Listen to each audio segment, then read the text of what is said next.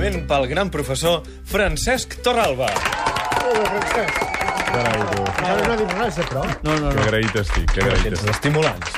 Ho han sabut fa només uns minuts? Mas i Junqueras estan reunits al Palau de la Generalitat per buscar una cosa que s'ha perdut en aquests últims dies, la unitat. I avui amb el professor Torralba volem parlar de per què ens costa tant com a societat, per què els costa als polítics, però també a nosaltres en la nostra vida diària, assolir la unitat.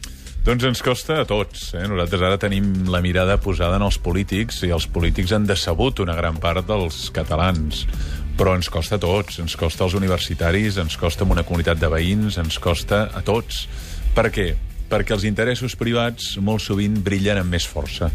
Els interessos, les tendències, els desitjos privats. I llavors aquests miren d'obrir-se camí i allò que podia ser la unitat es desfà. I això és la raó principal. A vegades són interessos polítics, econòmics, socials, interessos partidistes, ideològics, però això passa en tots els col·lectius. Per tant, només hi ha unitat si hi ha una capacitat de transcendir els interessos individuals i buscar allò que abans en deien el bé comú. Mm. Una de les grans normes del màrqueting és intentar diferenciar-se de la resta de productes. Si jo tinc un producte, vull demostrar que el meu és diferent i millor que el de la competència. Això passa moltes vegades també amb els partits polítics, que permanentment ens estan intentant mostrar les diferències i no pas allò que els uneix. Sí, és clar, perquè aquesta és la seva clau, és a dir, han de buscar un target de lectors, han de fer-se significatius en una determinada àrea, per tant, han de fer-se molt singulars. Però és que en un context d'excepcionalitat com en el que estem, el que espera la ciutadania és unitat. I, per tant, que aquestes diferències ideològiques legítimes i absolutament necessaris en una societat democràtica i lliure, que puguin ser en certa manera difuminades, posades com a taló de fons i posar en primer pla allò que és el principal per la gran part de la ciutadania. I aquí és on es demostrarà el grau de sacrifici, el grau de maduresa dels que ara lideren aquestes formacions polítiques.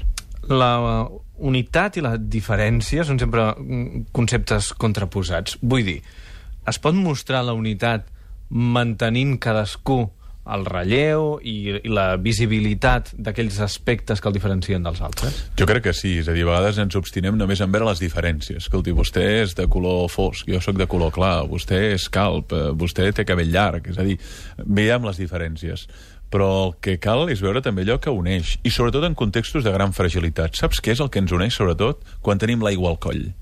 Quan tenim l'aigua al coll, totes les diferències passen a segon pla i llavors ens posem d'acord amb allò essencial. Però mentre no tenim l'aigua al coll, sobretot anem reivindicant les particularitats de cadascú. Per això, de vegades, un perill més gran, o un enemic més gran, fa que les diferències entre nosaltres es dissolguin i veiem allò que és substantiu, allà on ens juguem verdaderament la nostra raó de ser. Mm. Tornant al cas de la consulta, la societat eh, civil, com a mínim la part de la societat civil majoritària, segons totes les enquestes, que ha demostrat la seva preferència per això, per la consulta, ha mostrat la unitat. Ha fet actes unitaris on hi havia gent que votava partits diferents. Sí, en sí. canvi, els líders polítics no. Clar, perquè aquests ciutadans aquí, en certa manera, no s'hi juguen la cadira, no s'hi juguen el seu manteniment en un Parlament, la seva bona reputació, és a dir, sortim, surten al carrer o sortim al carrer, manifestem allò que pensem, i allò que pensem uneix a moltíssimes persones. Però, és clar, a l'hora de pensar com s'assoleix el fi, el mètode, aquí és on hi ha molta diversitat de criteris. I és bo que hi siguin, però al final s'ha de trobar una via compartida, si no al final eh, això fa més fràgil davant de l'altre. Per tant, és molt més fàcil que els ciutadans estiguin d'acord amb això que no aquells que han de pensar eh, el que en diríem les estratègies que siguin més viables per fer realitat aquest somni. I aquí és on hi ha criteris diferents, punts de partida diferents, i també, naturalment, alguns poden semblar més utòpics, altres més pragmàtics, i aquí és on hi ha, sobretot, el camp de batalla. No crec que sigui respecte al fi, sinó com arribar a aquest fi.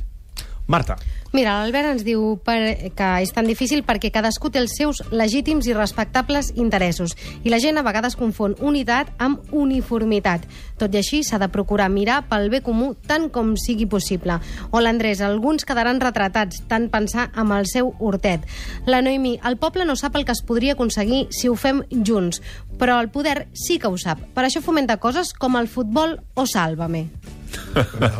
El que és interessant és aquesta reflexió sobre l'hortet, juntament amb les altres, no? És a dir, quan ve una inundació gran, la gent deixa el seu hortet i va salvar la presa, no? Perquè tots els horts quedaran Sí. eh, inundats. Però mentre no ve això, tu estàs només pendent del teu hortet.